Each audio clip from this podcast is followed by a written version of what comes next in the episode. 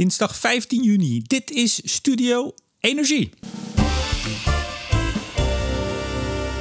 Met vandaag een nieuwe aflevering van Blik op olie en gas met onafhankelijk energieanalist Jilles van den Beukel. Mooi weer in Appelscha. En mijn naam is Remco de Boer. Straks praten we in deze laatste aflevering voor de zomerstop onder meer over de zaak Shell. Jawel, die blijft de gemoederen bezighouden, uiteraard. Hoe is er op het vonnis gereageerd? En wil Jilles misschien nog iets toevoegen aan zijn commentaar in de vorige aflevering? Want maandag verscheen een uiterst boeiend artikel van zijn hand over de emissies door olie- en gasbedrijven en wat de gevolgen van het vonnis voor die emissies wereldwijd zijn. Ja, het IEA kwam weer met een flinke stapel rapporten. En uiteraard heeft de redactie van Blik op Olie en Gas allemaal gelezen. Zo weten we dat de vraag naar olie volgens het IEA al in 2022 weer op het pre-corona-niveau zal zitten, terwijl sommige analisten dachten dat dit niveau nooit meer gehaald zou worden. Hoe realistisch is die verwachting van het IEA? We hebben het over de nieuwe HCSS-studie over internationale ontwikkelingen en de Nederlandse energietransitie. Altijd spannend. En over de eerste string van Nord Stream 2, die, jawel, ondanks alles, nu toch echt klaar is. Maar nu eerst, Jilles. Op wat voor stoel zit jij? ik zit op een, een rood bureaustoeltje. Ik zal je zeggen waarom ik je dat vraag. We hebben wat opmerkingen, wat suggesties, wat vragen van luisteraars gekregen die een piep hoorden in de vorige aflevering. En het is mij eerder uh, verteld. En dat zit met name bij blik op olie en gas. En ik begin te vermoeden dat het is uh, als wij uh, samen iets doen. Okay. En ik vermoed dat het misschien wel eens jouw stoel zou kunnen zijn. Piept ah, die misschien? Ik kan een andere stoel pakken. nee, maar piept die? Uh, nee, hij piept niet. Hij kraakt een beetje, maar alleen als ik mee, uh, mee rijd. Er zitten wieltjes onder, hè? En het, het, het vervelende is, nu ik je dit zeg... Uh, ik zit nu ook op mijn bureaustoel en die piept ook. En die zet ik altijd even weg. Ik pak altijd een andere stoel en dat ben ik deze keer vergeten. Oh hemel, heb je voetbal gekeken? nee, ik heb geen voetbal gekeken. Nee, ik kijk Feyenoord. als, ik als ik tenminste tegen de spanning kan, Remco. Ja, maar wat, wat doe je dan tijdens... Ik denk, ik bedoel, heel appelscha is natuurlijk oranje gehuld. Althans, ik zit hier ik in Amsterdam. wel horen hoe het ging met de score, ja. Ik wou net zeggen, ik zit in Amsterdam-West en daar hebben toch een aantal mensen in hun tuin een soort uh, geïmproviseerd oranje café gebouwd. Dus je hoeft ook inderdaad niet te kijken. Maar is dat in Appelschouw ook zo?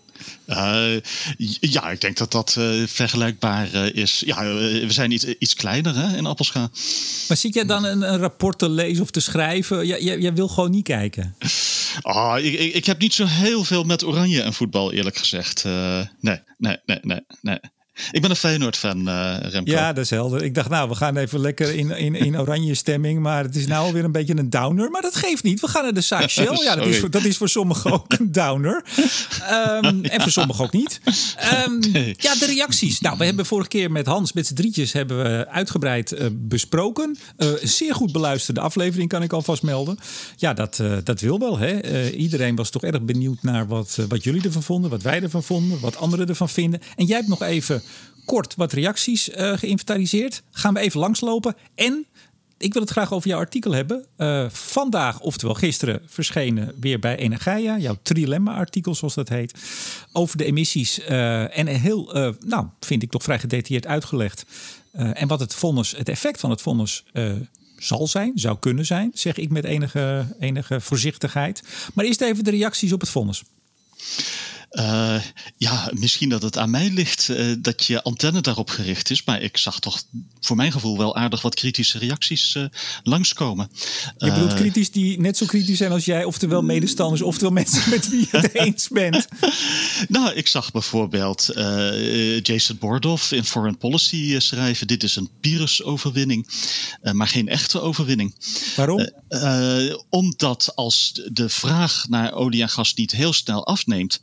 Uh, ja, uh, het verplaatsen van Shell-productie naar de Gazproms van deze wereld uh, eerder slecht is voor het klimaat dan, dan beter. En ja, dat was ook een beetje de teneur bij Michael Liebreich van Bloomberg, heel bekend, heel actief op Twitter ook over, over energie, echt een autoriteit in EV's en dat soort dingen.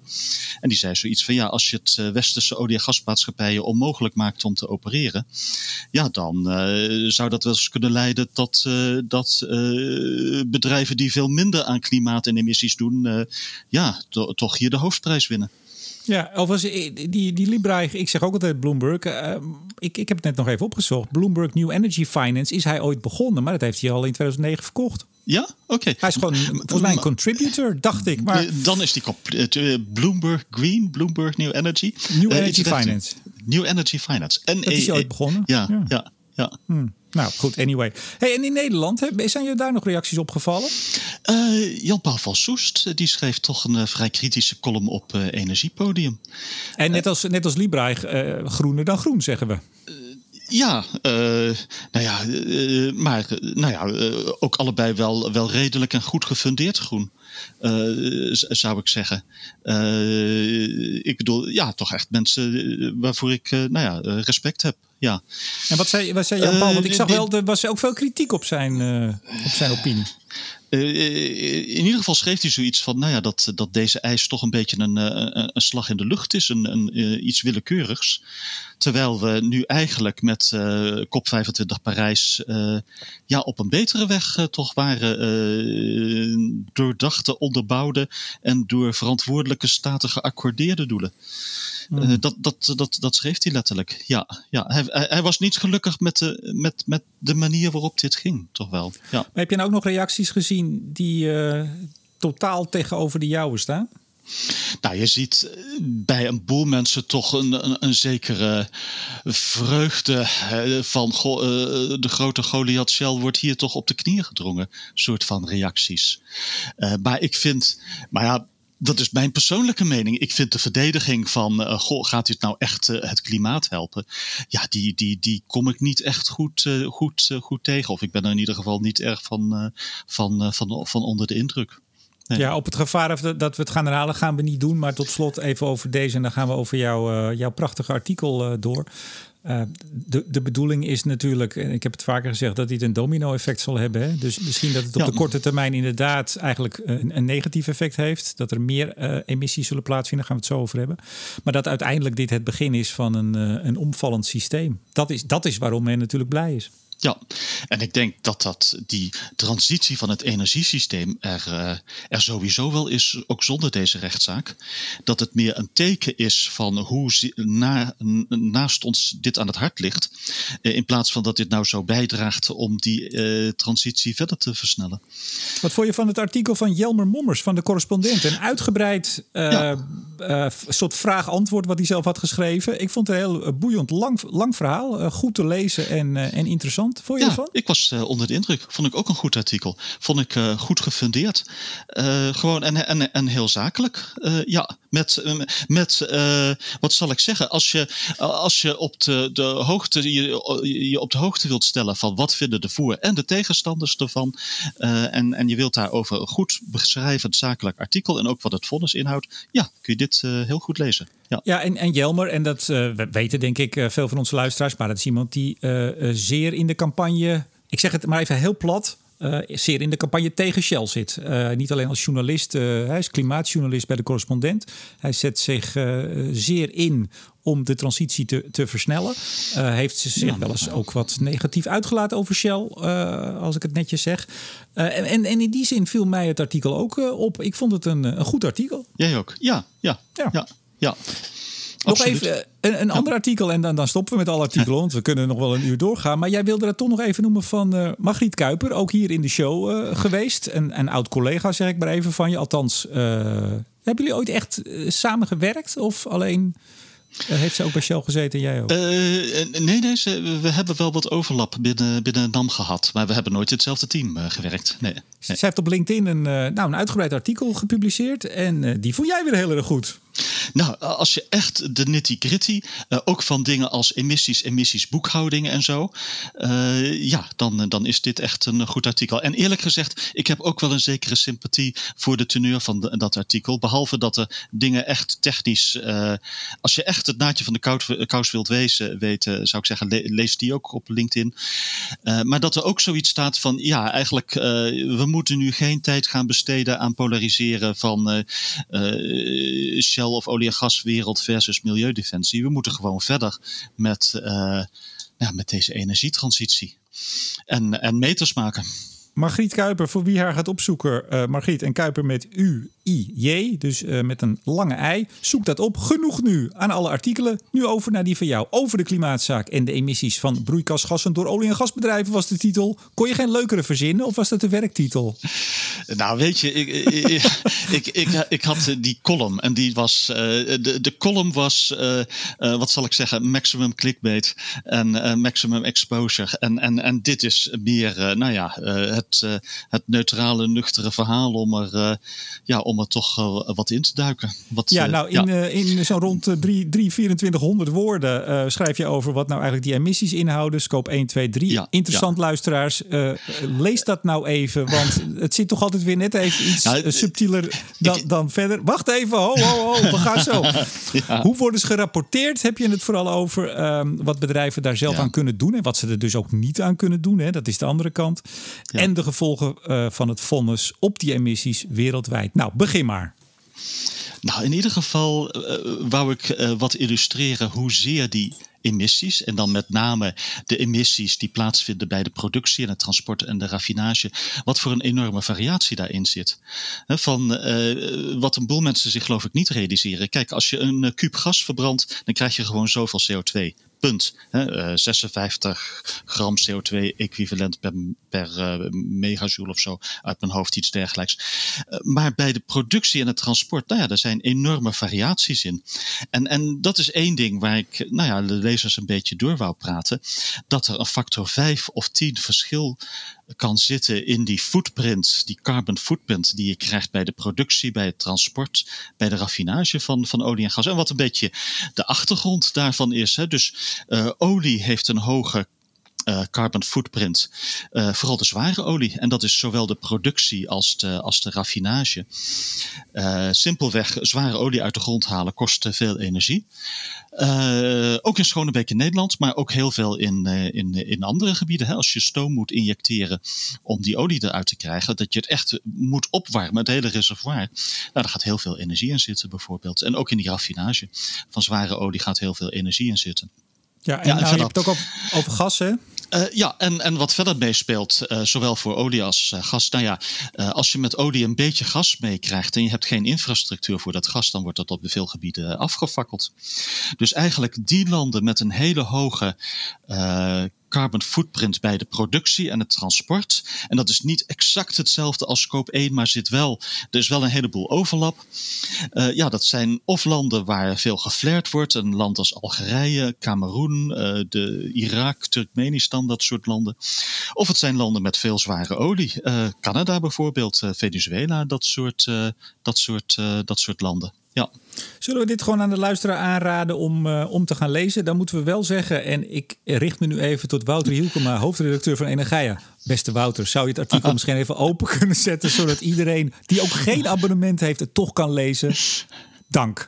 Gaat hij vast doen, hè, Jilles? Ja. ik, ik, ja, ik hoop het. Ja, ja wel, dat gaat hij doen. En, en, anders mag het misschien over een tijdje dat jij het wel even ergens deelt. Dat komt, dat komt vast goed. Maar even uh, tot slot over jouw artikel. Eh, dat eindig je met wat nou de gevolgen zijn van het vonnis. Hè? Want we gaan niet het hele artikel doornemen, maar um, voor die wereldwijde uitstoot. Ja, van uh, nou ja, Shell in zijn eentje. Nou ja, dat wordt toch vrij naadloos uh, overgenomen door andere bedrijven. Zo groot uh, is Shell niet. je zag in de tijd.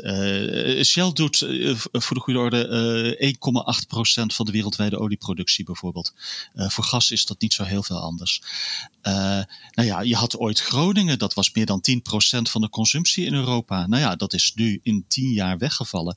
En je ziet, dat is toch vrij naadloos overgenomen door, door Gazprom met name en door de, uh, door de LNG-import. En ja, kijk, het, het, het kan zijn dat het het is maar de vraag hoeveel navolging dit, dit, krijgt. Maar als het echt heel veel navolging krijgt, dan ja, als je werkelijk westerse olie- en gasbedrijven grootschalig uh, dit soort dingen oplegt, nou ja, dan, dan zie je wat er gebeurt, uh, Remco. Dan, dan, dan gaat olieproductie verschuiven naar, naar Rusland, naar Saudi-Arabië. Dan gaat gasproductie verschuiven naar Rusland. Dan geef je meer, meer macht om prijzen te zetten aan, aan OPEC. Plus.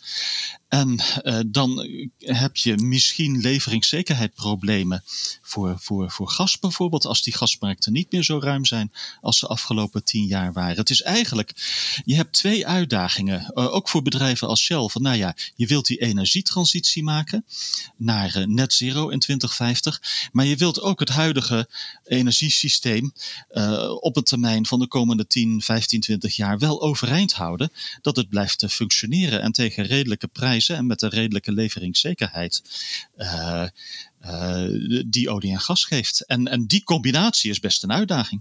Maar je snapt toch wel, Jilles, dat uh, er misschien nu ook mensen zitten te luisteren. En anders hebben we dat wel gelezen in de commentaren. mensen die dit een heel goed vonnis vinden en die al veel langer strijden om de, de, grote olie- en gasbedrijven, uh, nou ja, ik zou bijna zeggen, een toontje lager te laten zingen, maar in ieder geval minder te produceren. Die zeggen, ja, dit is altijd het aloude excuus geweest. Ja, als wij het niet doen, dan doen zij het wel. Dus uh, laat ons nou maar even. Ja, en het vervelende is, het is ook zo. Precies. Jammer genoeg. Ik bedoel, die strijd tegen klimaatverandering moeten we aan de vraagkant voeren, vooral. Dat is ook je, je kunt wel dingen aan de aanbodkant doen, maar, maar de grote stappen zet je aan de, aan, aan de vraagkant. Uh, EU-ETS-systeem, CO2-beprijzing, EU-carbon border tax, uh, subsidies om bepaalde technieken over het dode punt heen te helpen. Hè, bepaalde sectoren die moeilijker net zero te maken zijn, dat je die een extra duw in de rug geeft. Dat, dat, dat hele pakket. Ja. Ja, en, jij, en jij zegt ook, uh, verhoog dan maar die CO2-prijs, want dan komt het geld tenminste in, in de kas bij, bij westerse landen, in plaats van dat het allemaal linea recta naar Saudi-Arabië en Rusland gaat. Ja, want dat is het verhaal wat je soms van de NGO's hoort. Uh, hogere olie- en gasprijzen, uh, die hebben dan als bijeffect een, een, lagere vraag. Maar dat geld komt wel terecht bij de Poetins en de Bin Salmans van deze wereld, die dat niet gebruiken voor de energietransitie, maar die dat gebruiken om hun eigen corrupt regime overeind te houden. Oh jee, nou zeg je toch weer corrupt. Dat zouden we toch niet doen, uh, Jillis? Nou, hadden we dat gezegd vorige keer? Nou, volgens mij heb jij dat een keer dat je, dat je zei. Oh, oh dat heb ik ja, ooit ja, gezegd dat ik ja, dat. Wel, ja, ja. Wie, wie, wie weet kom, krijg ik ook wel Russische hackers ooit. Uh, nou, er is ook weer een, uh, een energiebedrijf in Amerika. Daar niet gehackt, maar die hebben in ieder geval data gestolen van een bedrijf. En vooral ook uh, compromitterende, gevoelige zaken van de ah. oprichter, over de oprichter. Ja, dat soort dingen heb je dus ook. Van, ja, Gewoon chantage. Ja, ja. ja. Ja, misschien heeft hij een andere mevrouw of, of een meneer. Je weet het niet. Misschien heeft, heeft hij met zijn hand in de kas gezeten. Nou goed, ander verhaal. Hey, even, er kwam een nieuwtje. Volgens mij gisteren. Reuters, uh, persbureau Reuters denkt te weten dat uh, Shell van plan is al een een flink stukje van zijn zaakjes te verkopen. Ja, interessant hè. Eh, het gaat om de Permian, West Texas. En dat is toch een uh, substantiële uh, boel productie van Shell. Orde van Wacht even, wat is dat even voor mensen die dat niet weten? Schalieolie. Schalieolie in Texas. Kijk. Het is het grootste schalieoliegebied in West Texas. En daar heeft Shell zich ooit serieus ingekocht. In 2012 al namen ze assets van Chesapeake over. en dat hebben ze veel geld in geïnvesteerd om te boeren bijvoorbeeld. Ze hebben daar een joint venture met, uh, met uh, Anadarko, nu uh, Occidental. En als je dat helemaal zou verkopen, want dat is niet duidelijk. Hè? Je weet niet of er al een koper is of dat het, het gerucht, het, hè? Gerucht. Het is gerucht. Je weet niet hoe ver het in het proces is. maar dit is wel 200.000 vaten per dag orde van grootte. Dit is richting 10% van wat Shell Equity produceert wereldwijd. Dit is een van hun negen core areas. Dus, dus dit is echt een, een serieuze chunk olieproductie productie. Ja. Ja, ja en, en alles wat er nu op dit vlak gebeurt, natuurlijk, wordt direct in verband gebracht met het vonnis. Terwijl ik kan me niet voorstellen dat dit er iets mee te maken heeft. Nee, zo werkt het niet. Het is niet zo dat het vonnis eh, er is en dat dan twee weken later zo'n grote asset in de etalage gaat. Ik bedoel, dit is naar mijn inschatting uh, vorig jaar bij het oplijnen van de nieuwe Shell-strategie. Daar hebben ze vorig jaar gewerkt. Die kwam in uh, februari, hebben ze dat gepresenteerd. Nou, bij dat opwerken van die hele strategie hebben ze ook wel gekeken naar de lange termijn toekomst van assets en ook nou, wel bedacht van nou, dit zou misschien wel eens uh, iets kunnen zijn wat we toch willen verkopen. want ja, dit is wel vrij dure olie. Hè? Dit is, of vrij duur, vrij hoge kosten olie. hier praat je over 50, 60 dollar per vat aan break-even.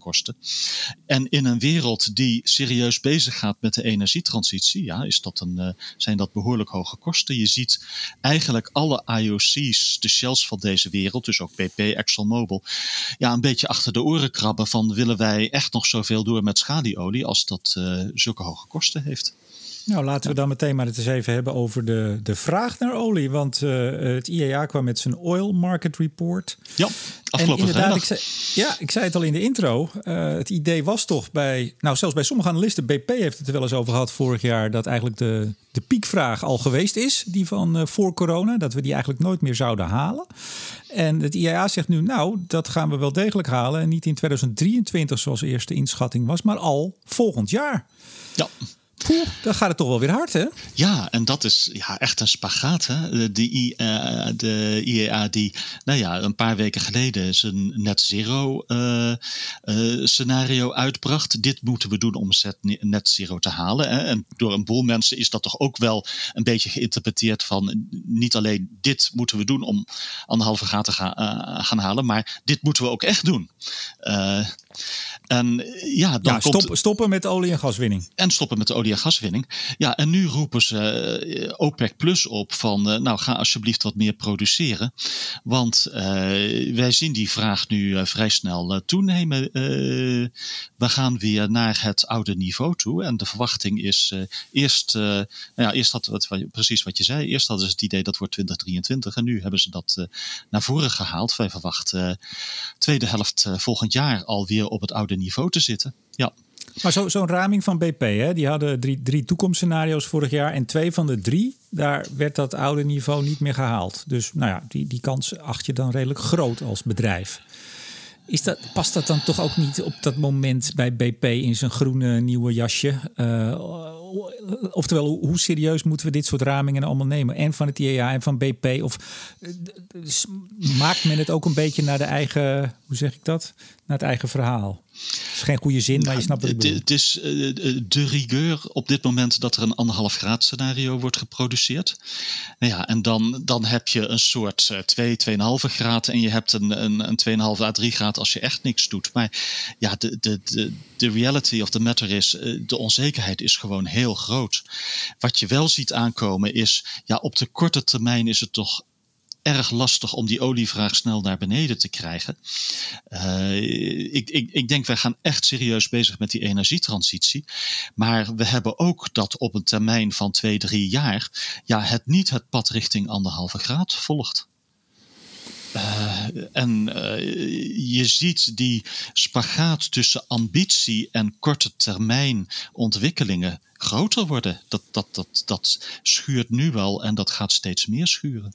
Ja, en het IEA roept inderdaad OPEC Plus op om uh, de kraan hier ietsje verder open te draaien. Omdat ze willen voorkomen dat die prijzen te hoog worden. Want als er één ding slecht is voor de transitie, ik hoor het Fatih Birol nog zeggen, en die zegt het vaak, dat is wel hoge olieprijzen.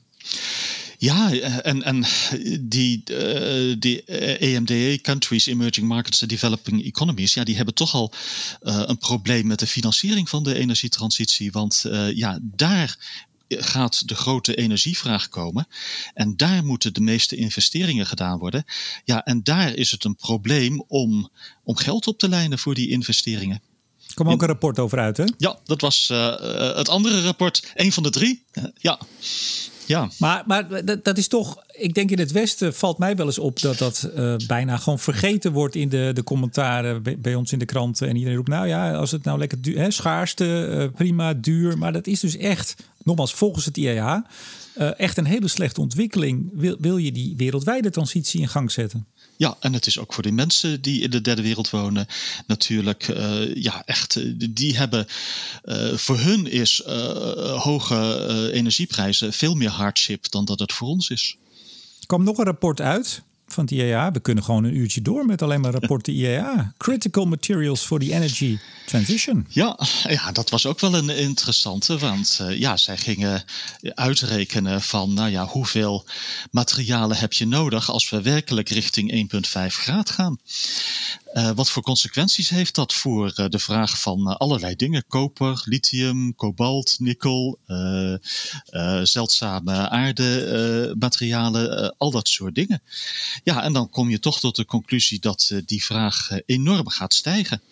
Dat zie je nu al aankomen dat die vraag stijgt. Uh, en dient ten gevolge ook dat de prijzen stijgen. Van koper bijvoorbeeld. Uh, koper doet nu uh, eh, 10.000 dollar per ton. Dat is, nou ja, zo'n niveau, dat niveau heeft het één keer eerder bereikt. En dat was vlak voor de financiële crisis in 2008. Nu staat het daar weer boven en lijkt het een heel stuk door te gaan stijgen. En dan krijg je daar, ja, dat iedereen nu naar de mijnbouwers begint te kijken. de Glencores, Rio Tinto's uh, van, van, van deze wereld. Uh, wanneer gaan jullie nieuwe mijnen opzetten? Want uh, als die vraag echt serieus verder gaat doorzetten, ja, dan heb je gewoon nieuwe mijnbouw nodig. En een, een, nieuwe mijn, dan praat je al gauw over een jaar of tien. Beetje afhankelijk van wat voor materiaal het betreft. Maar echt een serieuze tijd om dat op te zetten. Die, die reserves die zijn er wel. misschien niet meer van de kwaliteit die je vroeger had. Hè je hebt de beste reserves het eerst ontwikkeld. Maar uh, het, het, dat duurt tijd. Dat zijn echt grote operaties om zo'n uh, nieuwe mijn op te zetten. Ja. ja, het onlangs ook een, uh, een column bij IEX, het beleggings, ja, beleggingsplatform, hè? althans informatieplatform voor beleggers. Ja. Vol, ja. Volgens mij is jouw advies, als je nou goed wil zitten, dan moet je in grondstoffenproducenten beleggen, hè, geloof ik. nou, in ieder geval is dat iets. Kijk, ik denk dat die energietransitie serieus gaat doorzetten. Ik denk dat die vraag serieus gaat doorzetten. En dan heb je in ieder geval op de lange termijn. Uh, heb je echt een boel van die materialen nodig. En dan. Uh, Alleen ja, wat voor een boel mensen dan toch wel uh, ja, niet zo lekker voelt, is uh, zulke brandschone bedrijven. Zijn, uh, zijn bedrijven als Glencore niet. en, en ja, daar, daar hikken mensen nu echt tegenaan. Want je hebt ja. het wel nodig. Je hebt ze wel nodig voor de energietransitie. terwijl jij dit zei, zat ik, ik weet niet of het te horen was, even te bladeren in de krant van vandaag. Wij nemen het op maandag op. Het Financiële Dagblad. Groot artikel. twee pagina's van correspondent Casper Thomas. Thomas, Amerika-correspondent van de krant en ook van andere media trouwens. Buitengewoon interessante journalist. Volg die man, zou ik zeggen. Okay. Um, Amerikaanse lithiumdroom splijt het ruige noorden van Nevada. Um, mooi verhaal over, nou ja, de, de titel uh, dekt de lading heel goed. Uh, hoe er in, uh, in Nevada wordt gekeken om inderdaad het lithium wat daar zit in de bodem te gaan winnen. Maar grote foto ook van een protestmars van leden van een lokale stam ja, die tegen de ontwikkeling van een lithiummijn zijn in het noordwesten van Nevada. Dus dat, dat is de volgende slag natuurlijk die we gaan krijgen. Het protest en, tegen lithium is een van die materialen waarvoor de vraag enorm gaat stijgen. Uh, eh, IEA rekende voor lithium uit dat je in, uh, in uh, ik meen 2040 een factor 40 meer nodig hebt dan, dan, dan nu. En dus dat is echt ja, enorm, enorm veel. Ja, dit, dit sluit ook aan bij een nieuwe studie die jij samen met uh, Lucia van Geuns, ik zou bijna zeggen jouw, uh, jouw schrijfpartner, jouw onderzoekspartner uh, bij HCSS. Jullie hebben een nieuwe studie gepubliceerd, Internationale Ontwikkelingen en de Nederlandse Energietransitie. Daar sluit volgens mij jullie een deel van die studie over zon en wind hier ook bij aan, hè, bij dit probleem. Ja, uh, en dan kijken we ook uh, ja, echt uh, in HCSS-stijl naar de, naar de geopolitieke aspecten. en de rol van China daarin. Want China is bezig een, een hele machtige positie op te bouwen in, in grondstoffen voor de energietransitie. dat is hun eigen productie voor zeldzame aardematerialen. Maar dat is ook hun, hun deelnemen in mijnbouw in allerlei landen in Afrika, in Congo bijvoorbeeld. Hè. Daar heeft Glencore nu serieuze concurrentie van, uh, van Chinese mijnbouwbedrijven. En vooral ook in de raffinage. Dus bijvoorbeeld uh, lithium heeft zijn productieaspecten, maar ook uh, net als kobalt en andere materialen zijn raffinage, verwerkingstrajecten.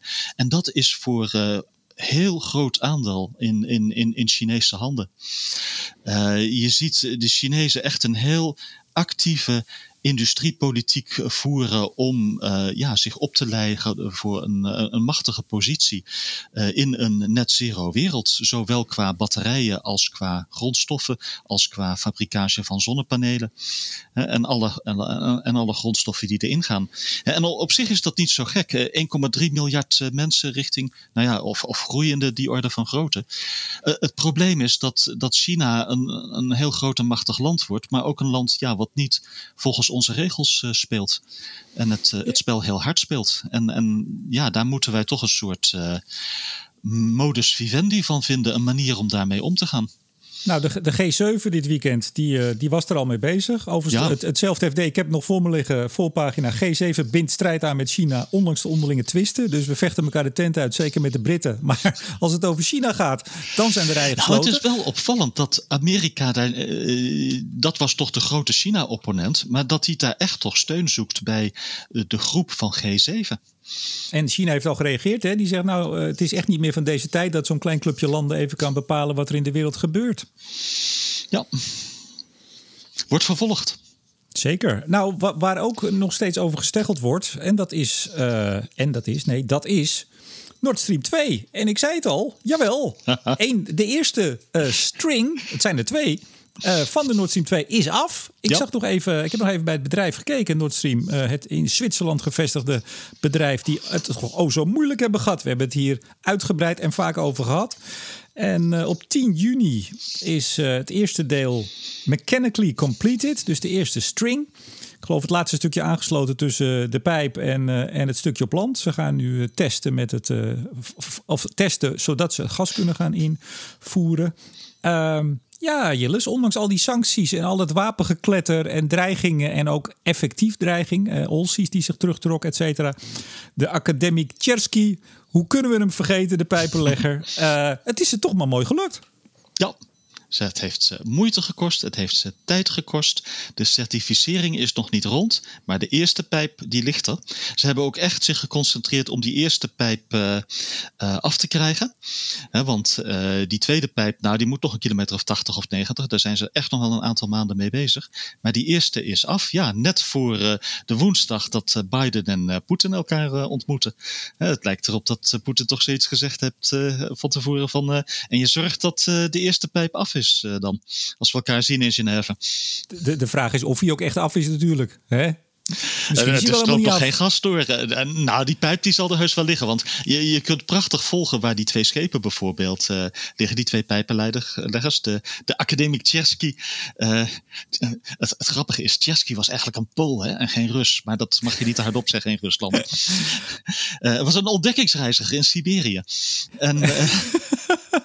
Ik heb ook het gevoel dat je, dat je zijn oma nog gekend hebt, of niet? kan dat? Of ben je, ben je geassocieerd met de familie? Jij weet altijd zoveel. Ik vind het, dat eh, vind ik leuk, dat soort ja, nee, kleine vertel, uh, vertel. op zijn Frans. Ja, ik ben er gek op. Uh, nee, ik weet niet beter of, of Tjersky was oorspronkelijk een Pool die zich vestigde in Rusland en ontdekkingsreiziger in, in Siberië was. En nou ja, dat soort schepen wordt, wordt vaak naar wetenschappers of ontdekkingsreizigers genoemd in, in Rusland. Ja. Maar dus de Poolse tegenstander tegenstanders, de, de Poolse tegenstanders van Nord Stream 2, die, uh, die, die halen dat ook heel vaak aan. Hè, van eigenlijk was Tjaski een Pool.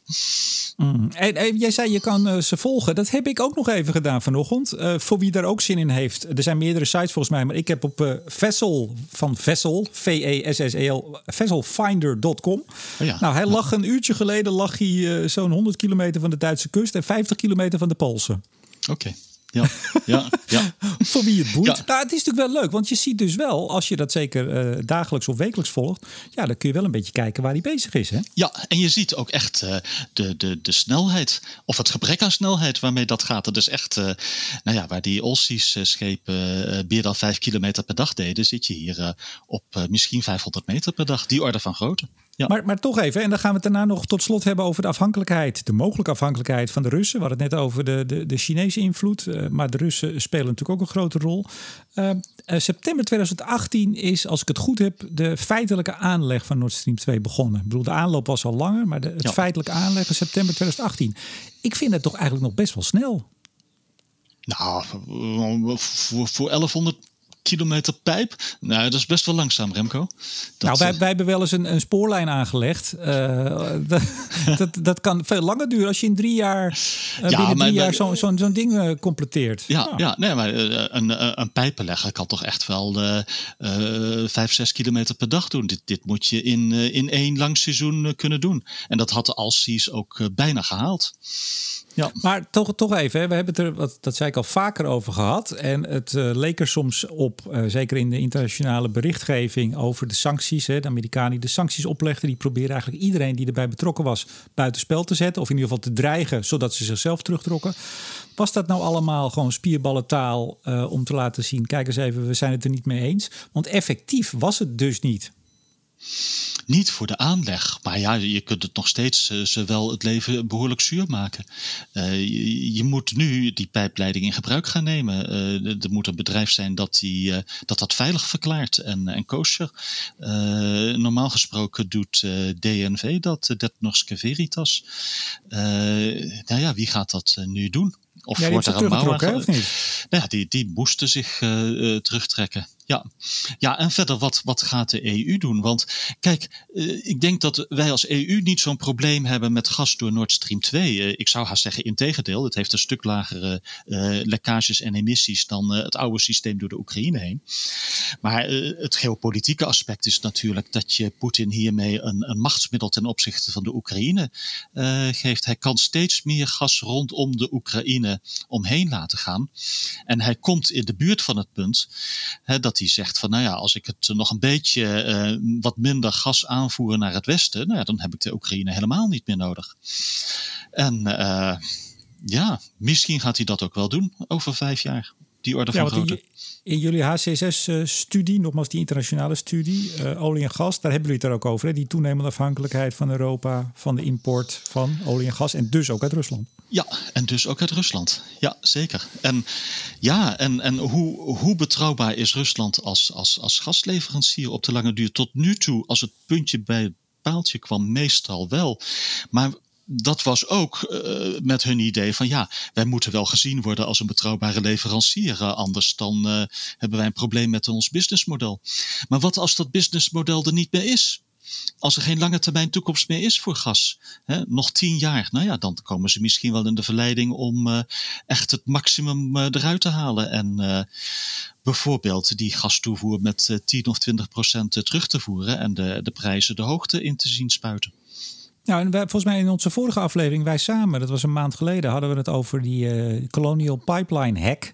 En toen riep ik volgens mij voor de nou niet voor de grap, maar enigszins uh, grappend bedoeld. Nou ja, de, de Russen kunnen altijd nog op een gegeven moment zeggen: ja, we zijn gehackt. En ik las vandaag, volgens mij was het ook in het FD of een andere krant, weet ik even niet meer.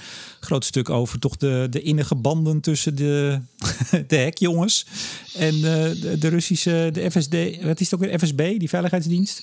Ja, dus, ja de, de, de, Russen uh, die voeren hun, hun oorlog niet met, met, met tanks, maar met, met, met dat soort wapens toch een beetje, steeds meer.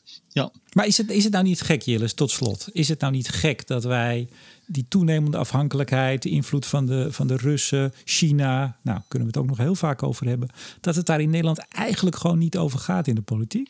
Er stond in ieder geval niet alleen in de politiek, er stond ook geen woord over leveringszekerheid eh, in de, het vonnis van de klimaatzaken. Terwijl het toch hier wel om gas gaat voor, uh, ja, toch voor, voor Europa. Dat soort, uh, dat soort dingen.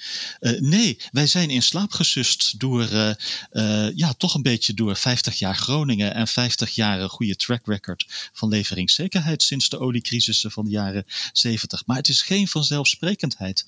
En dat is een van de uitdagingen die wij nu hebben. Wij willen en de energietransitie en geen grote ongelukken uh, op de korte en middellange termijn met ons bestaande energiesysteem. Ze hebben beide aandacht en tender loving care nodig. Maar meestal als je in slaap bent gesust, dan word je, nou, een keer je wakker. wakker. Ja. door iemand die een uh, koud, uh, koude emmer water in je gezicht gooit. Ja, wat zou die emmer water kunnen zijn, denk je? Speculeer eens even. Met... Nou ja, hardop speculerend. Stel dat uh, Poetin in 2025 uh, ruzie krijgt met de Oekraïne. Uh, het beetje gastoevoer door de Oekraïne wat nog nodig is voor de EU, zeg uh, een 15 of 20 procent van het geheel, dat, daar houdt hij mee op. en de, dan verliest hij wat geld door een minder volume, maar dat wint hij dubbel en dwars terug door de prijzen die dan de hoogte inspuiten. en dat is op het moment dat China ook een boel LNG nodig heeft. Dus dan mogen wij het met China en Japan uitvechten op de LNG-markten. En uh, leunt Poetin achterover met een 10 of 20 procent lagere gasflow naar, uh, naar Europa. Ja, en wat voor machtsmiddel hebben wij dan?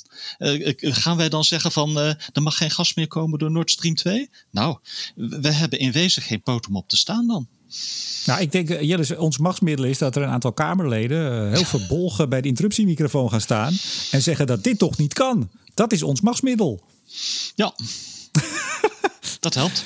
Ja, dat, dat helpt. Uh, Als je uh, gevoelens kwijt wilt.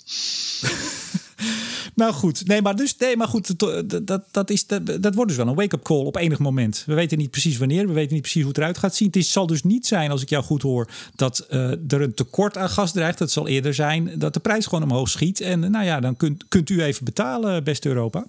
Ja, en dan willen wij nog liever van het gas af. Maar ja, dat wilden we toch al. Ja. Vooruitblik. Heb je nog wat leuks uh, de komende week, weken? Ja, ik heb wat leuks vandaag, uh, Remco. Oh, gisteren dus. Uh, ja, ja dat, dat schiet er soms doorheen bij mij. Nee, we zijn 30 jaar getrouwd. Nou, van harte. Dank je. Ik, ik kan niet zo goed zingen, anders zong ik nu een mooi uh, felicitatielied. wat, wat, wat leuk.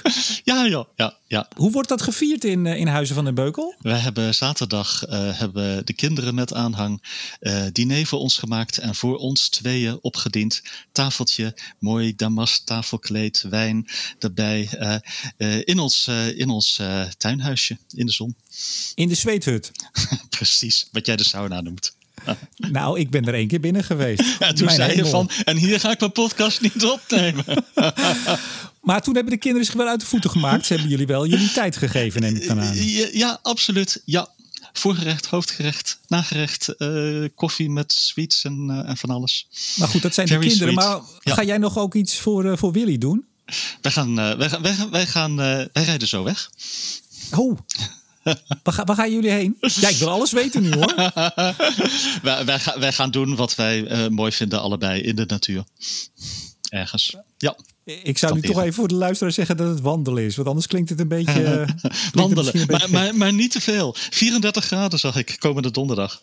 Hey, en deze zomer, want dit is de laatste voor de zomerstop. Uh, ja. Juli, augustus zijn we er niet. Tenzij beste luisteraars, als er nou hele bijzondere dingen gebeuren en we zijn alle twee in de buurt van uh, opnameapparatuur, dan sluiten wij ook niet uit dat we nog even terugkomen. Dat hebben we vorig jaar ook gedaan hè, met corona. Um, dus, maar goed, uh, als dat niet gebeurt, dan zijn we pas weer uh, begin september of eind augustus terug. Wat ga je doen deze zomer? Appelska. Van, oh. uh, we hebben een hele leuke uh, juni en juli en augustus. No normaal zijn we veel weg in mei en juli. Nu zijn we hier geweest. Tuin is zo mooi, natuur is hier mooi. Uh, wij blijven gewoon de hele tijd in Appelscha. En we gaan september en begin oktober op pad. Denken we. Oh jee. Maar dan moeten we dus wel even nog een uitzending plannen. Want anders is, ja, is het overal, waar in, overal waar internet uh, is, uh, daar, uh, daar maken wij een podcast, Remco. Oh, dan neem je headsetje mee en dan headsetje gaan mee, we gewoon lekker los. mee. Ja. Nou, ik wens je een hele fijne vakantie. Fijn, nee, fijne zomer. En, en, en lekker ja, wegrijden en wandelen. En, Want waar ga jij heen, Remco? Amsterdam? Of ga je, heb je nou, plannen? Niet, niet zo heel veel plannen. Ehm, wij gaan waarschijnlijk weer fietsen. Wij fietsen altijd. Of altijd, wij fietsen heel veel. En wij zijn nog niet zo ver dat we al uh, de meut achterna willen naar het buitenland. Dus het wordt in ieder geval Nederland. En ik denk, vorig jaar zijn wij gaan fietsen uh, rondom Soest, Soestduinen, Soesterberg. Althans, daar, was ons, uh, daar waren we gestationeerd. Ja. oh ja, Soesterberg. Um, en, en hebben ons een week heerlijk in de ronde gefietst. En zoiets gaan we waarschijnlijk weer doen. Een weekje in juli waarschijnlijk, een weekje augustus. En verder ben ik natuurlijk nog druk met een projectje waar ik ook wat tijd voor moet maken. Uh, wat we maar niet meer noemen, want de luisteraar wordt daar helemaal gek van. Tot zover deze aflevering van Blik op olie en gas. Met onafhankelijke energieanalist Jilles van den Beukel. Iedereen een uh, goede zomer toegewenst. Ook namens mij. En mijn naam is Remco de Boer. Graag tot, wat Blik op olie en gas betreft, na de zomer.